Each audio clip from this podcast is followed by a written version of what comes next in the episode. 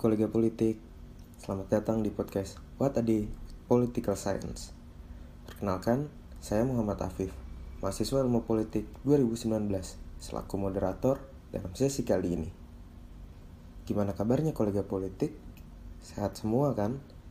Sebelumnya, aku mau ngucapin minal aizin wal faizin. Mohon maaf lahir dan batin. Selamat menunaikan ibadah puasa bagi kolega politik yang menjalankan. Dan gak lupa, aku juga mau jelasin dulu nih. Jadi, podcast ini merupakan salah satu upaya Hima Politik Fisik UB untuk menyediakan ruang dialektis bagi seluruh kolega politik. Dan lewat program kerja divisi PSDM, What a Day with Political Science, kita akan membahas mengenai problem solving serta critical thinking dan korelasinya terhadap mahasiswa ilmu politik. Dan dalam kesempatan kali ini, Aku nggak sendirian nih. Aku sudah ditemani oleh kolega politik angkatan 2017. Pasti pada penasaran kan? Yuk, langsung aja kita kenalan. Untuk kolega politik 2017 pada kali ini, silahkan memperkenalkan diri. Halo, oke. Okay. Selamat malam semuanya. Assalamualaikum warahmatullahi wabarakatuh. Perkenalkan namaku Tonto Yuelis Velayati. Aku biasa dipanggil Ais dari angkatan 2017 ilmu politik 2017 semester 6 sekarang. Oke ini itu mas. Nah itu dia kolega politik yang menjadi partner aku dalam podcast kali ini. Pasti siap. kenal dong. Enggak lah gak ada yang tahu aku. Ya suka aja.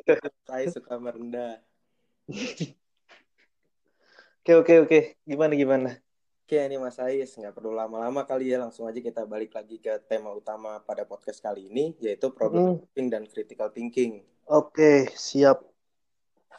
Nah, dan untuk pertanyaan yang pertama nih Mas, kalau dari hmm. aku baca nih, uh, beberapa literatur ya Mas, problem solving dan critical thinking itu kan katanya turunan dari ilmu filsafat nih Mas. Hmm. Yang mana membahas mengenai segala fenomena yang ada dalam kehidupan dan pemikiran manusia secara kritis dan skeptis. Siap. Lalu dijabarkan secara teoritis dan mendasar. Nah, lalu sebenarnya pengertian dari problem solving dan critical thinking itu sendiri apa sih, Mas? Oke. Okay. Uh, mulai dari mana? Oke. Okay.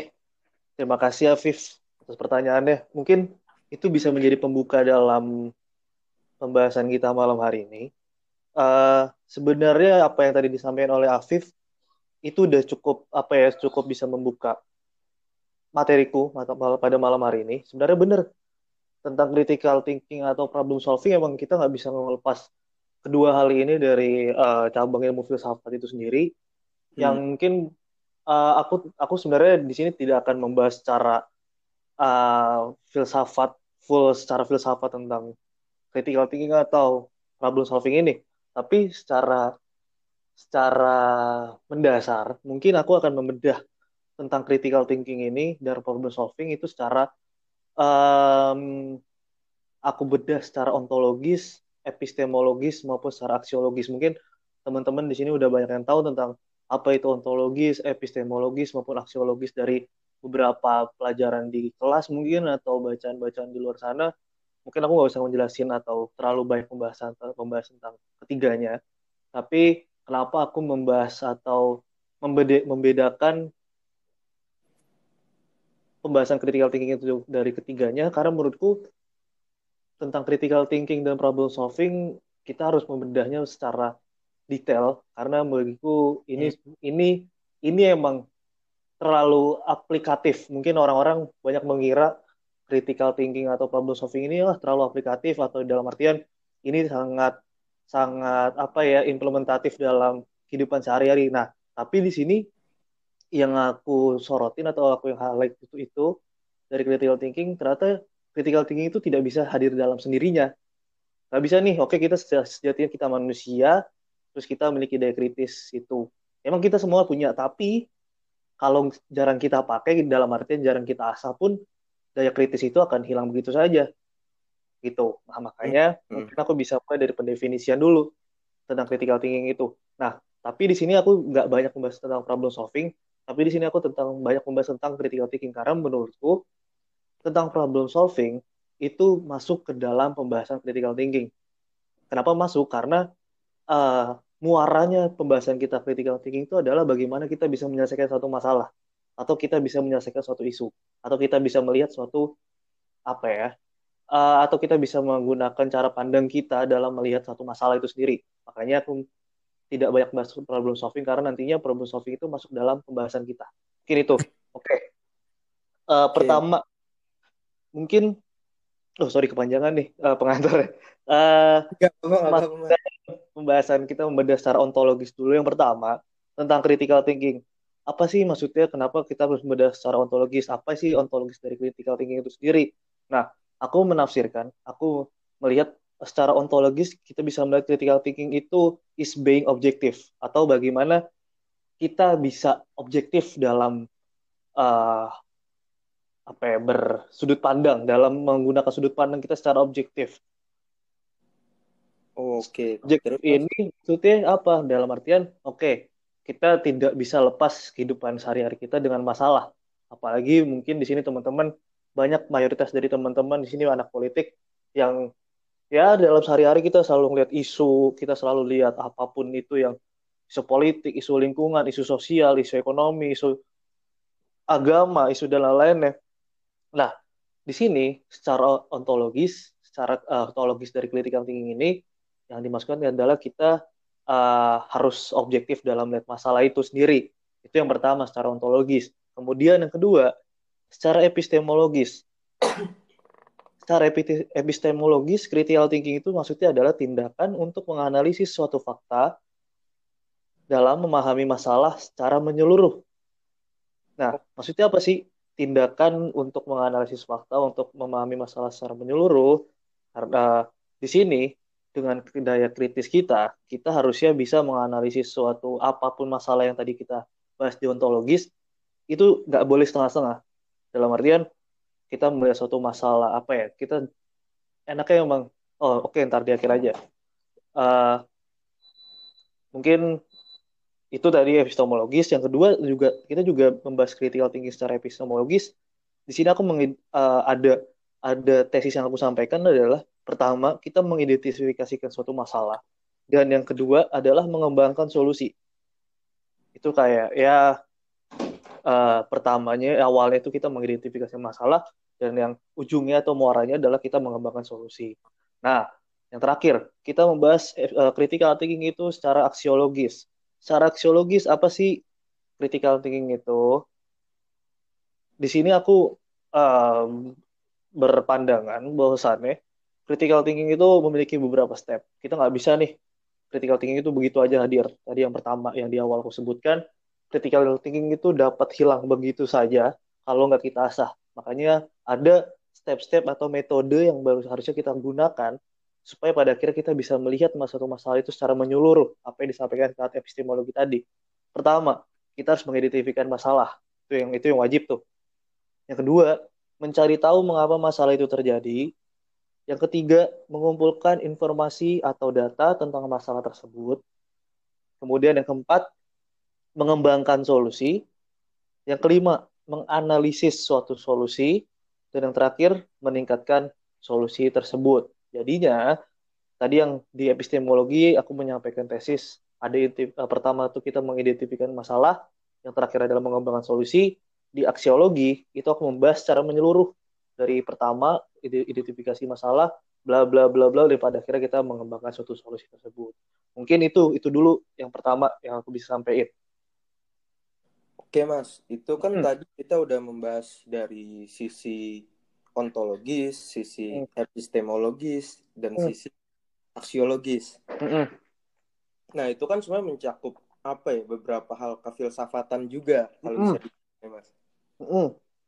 Nah terus uh, sebenarnya kan filsafat ini juga salah satu ilmu yang kita pelajari juga di ilmu politik. Mm. Nah, terus uh, sebenarnya penting gak sih mas kalau misalkan bagi seorang mahasiswa ilmu politik untuk menguasai yang namanya problem solving dan critical thinking ini, apalagi di mana pada kenyataannya ilmu ini sangat berkorelasi dengan kegiatan kita sehari-hari di ilmu politik. Oke, kalau ditanya apa penting atau enggak ya? perlu atau enggak atau penting atau enggak tadi pertanyaannya? Uh, penting atau enggak? atau enggak sih mas? Tadi apa pertanyaannya? Sorry sorry Hidulat. Sorry, uh, sorry. Pertanyaannya itu penting atau enggak seorang mm -hmm. mahasiswa ilmu politik untuk menguasai problem solving dan critical thinking? Oke. Okay. Kalau ditanya penting atau enggak sebenarnya nggak penting. Nggak penting. Tapi wajib. Apa tuh maksudnya? Oh. Gimana itu maksudnya? Pokoknya Berarti ini, lebih tinggi uh, kedudukannya ya mas? Ah, mungkin deh. Mungkin deh. Dari sebuah menjadi suatu hal yang wajib ya. Mungkin teman-teman bisa menafsirin sendiri apa yang aku maksud tadi. Nggak penting sebenarnya tapi wajib. Nah, kenapa sih aku bisa berkata seperti itu?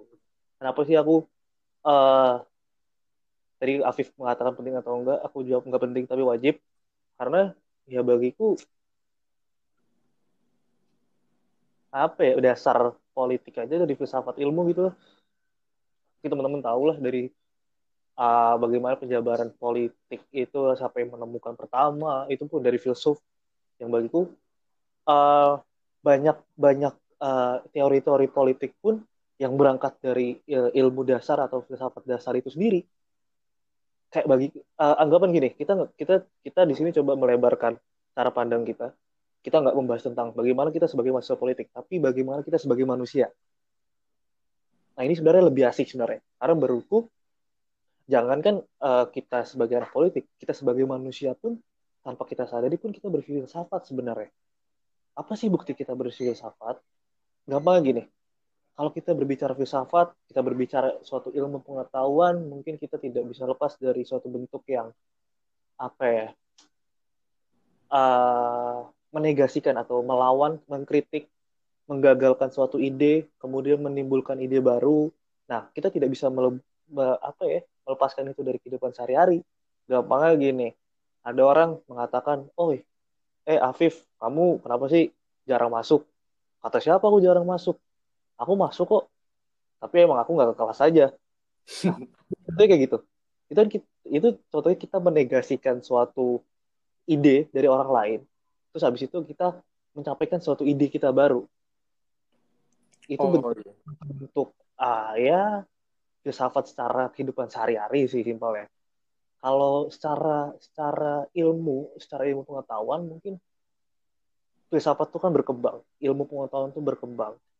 Uh, tapi aku nggak bakal bahas tentang filsafat sih di sini. Karena menurutku aku nggak terlalu uh, menguasai secara penuh tentang filsafat ini. Karena takutnya apa ya pembahasanku kurang kurang memenuhi anggapan teman-teman jadi menurutku aku cuma di sini hanya normatif aja sebenarnya makanya aku coba memberikan contoh kayak ilmu pengetahuan kenapa sih ada marxisme karena ada kapitalisme Contohnya kayak gitu.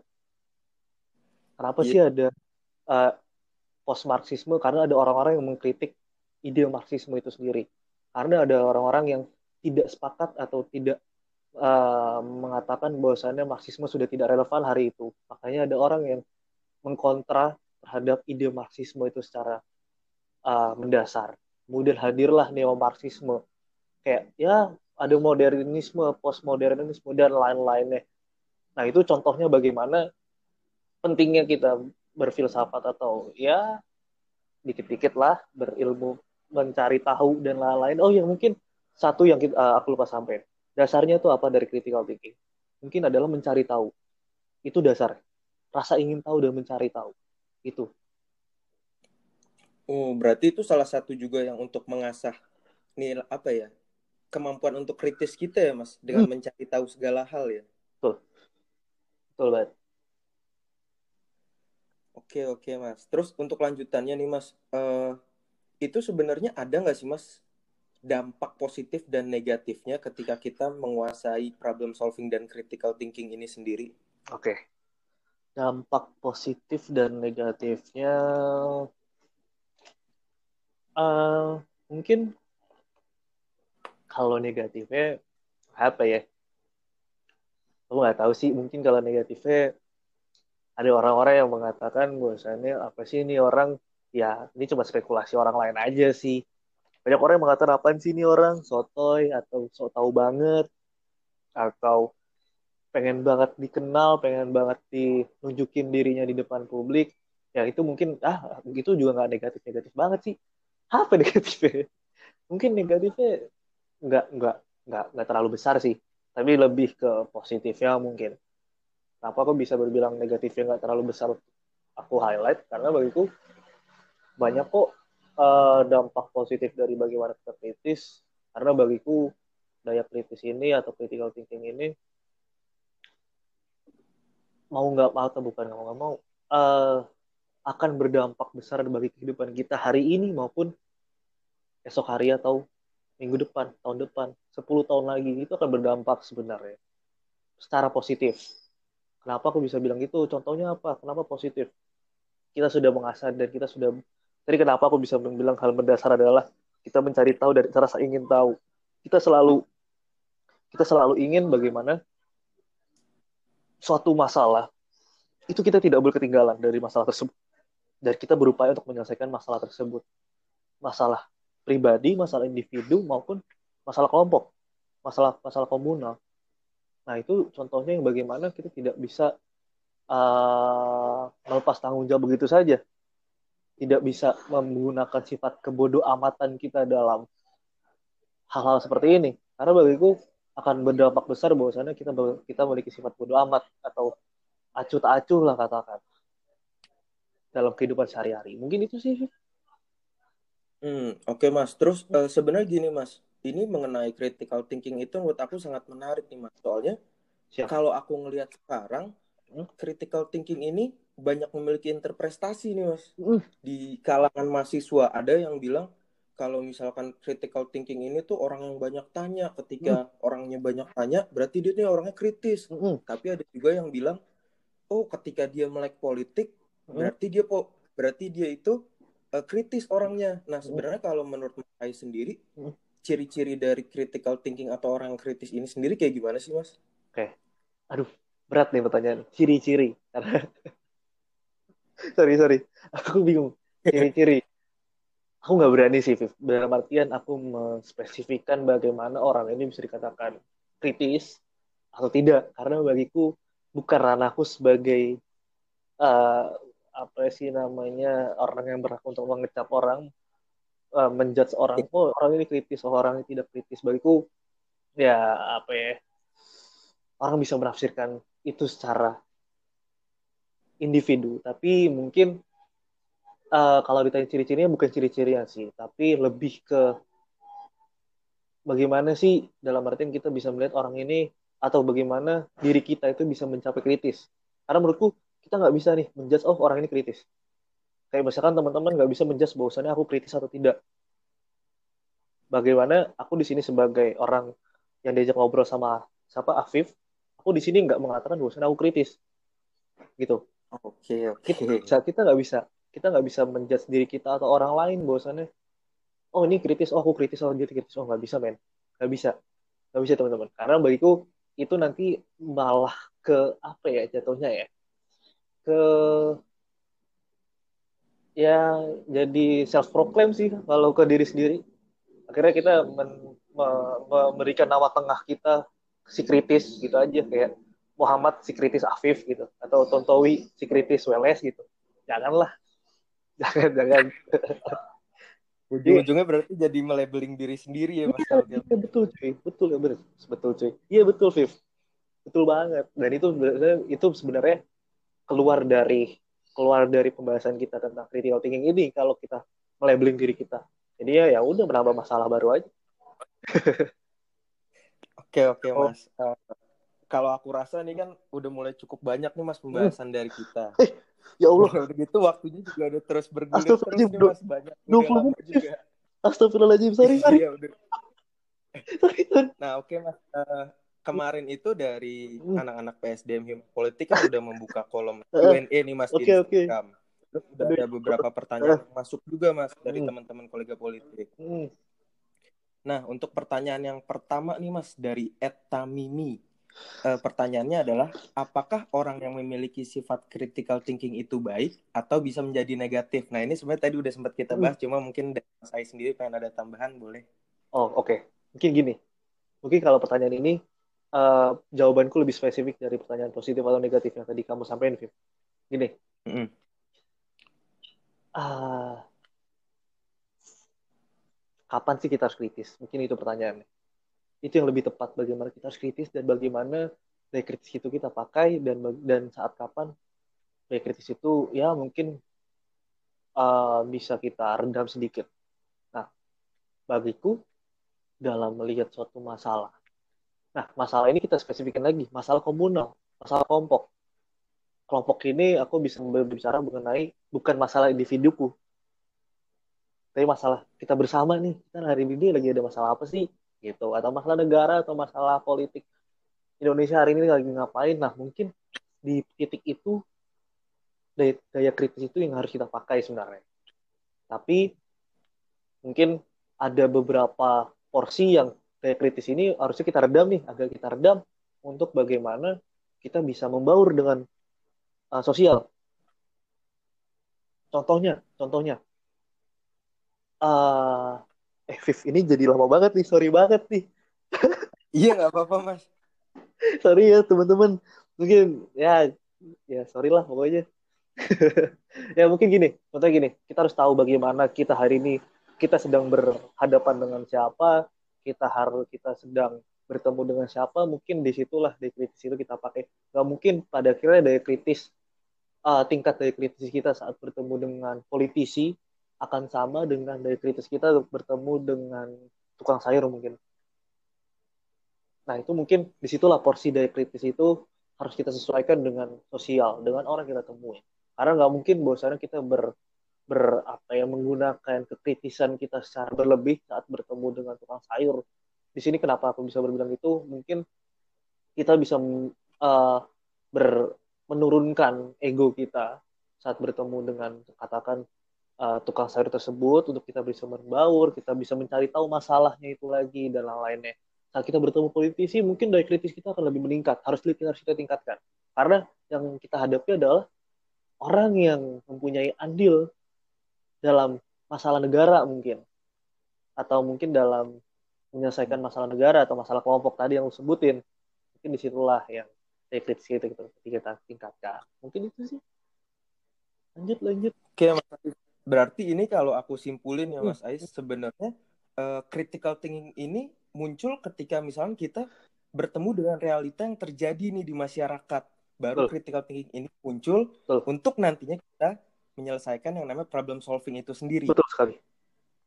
Betul. Oh, berarti korelasinya terjadi di situ sebenarnya nah, Mas ya dengan fenomena dan realita yang terjadi di masyarakat dia. ya. Itu dia. Nah, mungkin gini Viv, aku mau nyampein dikit lagi sih. Tadi ada materi yang aku belum sampaikan. Kelupaan nih aku. Mungkin Oh iya, uh, Mas, apa apa uh, Tadi mungkin kita flashback lagi. Tadi aku di awal berbicara mengenai ontologi, epistemologi maupun aksiologi. Tapi uh, kita harus tahu kenapa sih kita harus menggunakan, kita harus berkritis ria dalam kehidupan sehari-hari. Mungkin ada tiga poin yang bisa aku sampaikan kenapa. Karena menurutku ada tiga. Yang pertama kita harus memecahkan suatu masalah. Yang kedua adalah menciptakan ide-ide baru.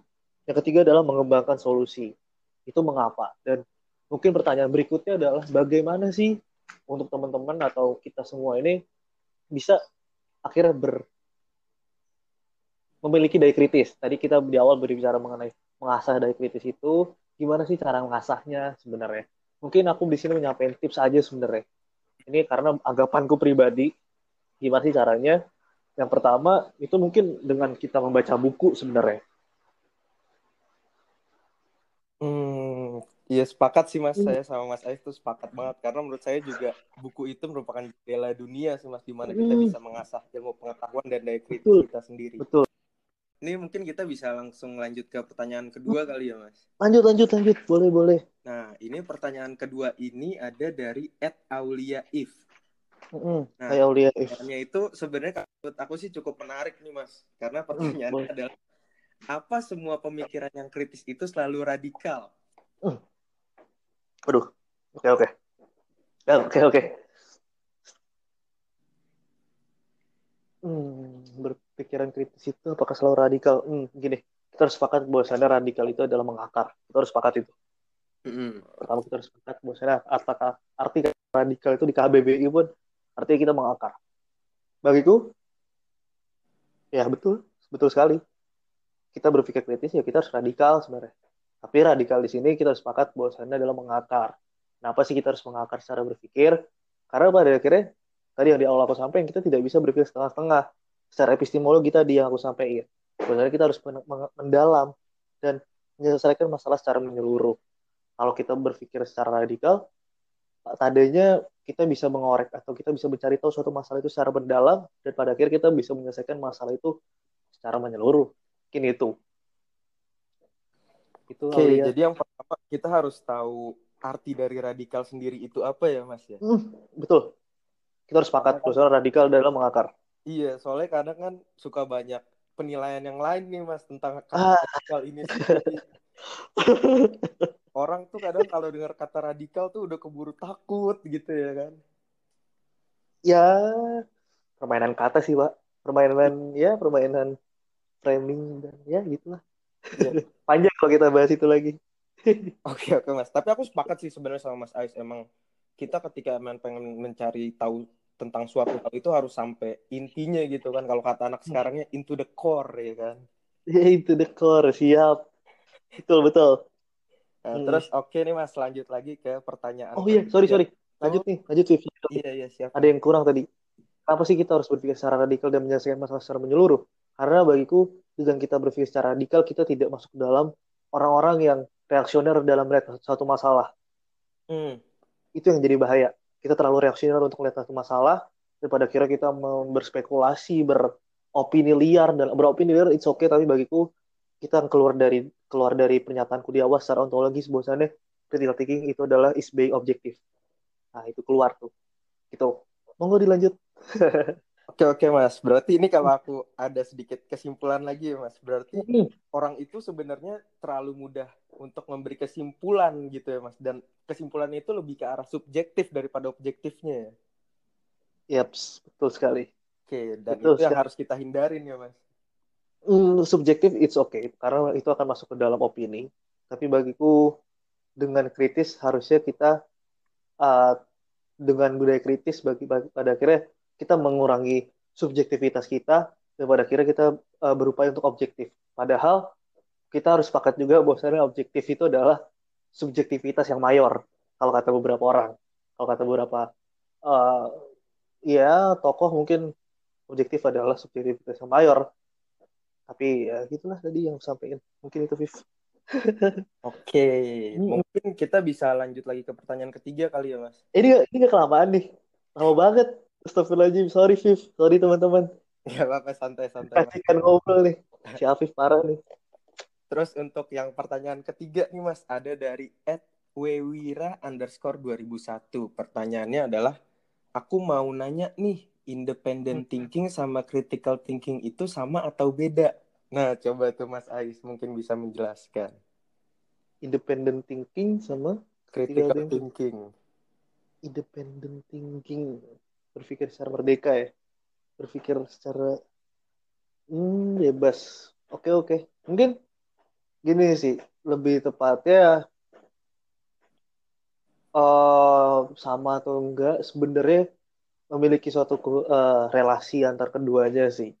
Karena bagiku dengan kita berpikir merdeka, bahwasanya kita tidak terlalu eh sorry kita tidak tidak terlalu terpengaruh dengan anggapan orang. Dalam artian anggapan orang itu bisa menjadi suatu bentuk data yang tadi aku sampaikan di awal, bisa menjadi fakta di lapangan, tapi pada akhirnya kita bisa memiliki suatu bentuk originalitas dalam kita berpikir sebenarnya.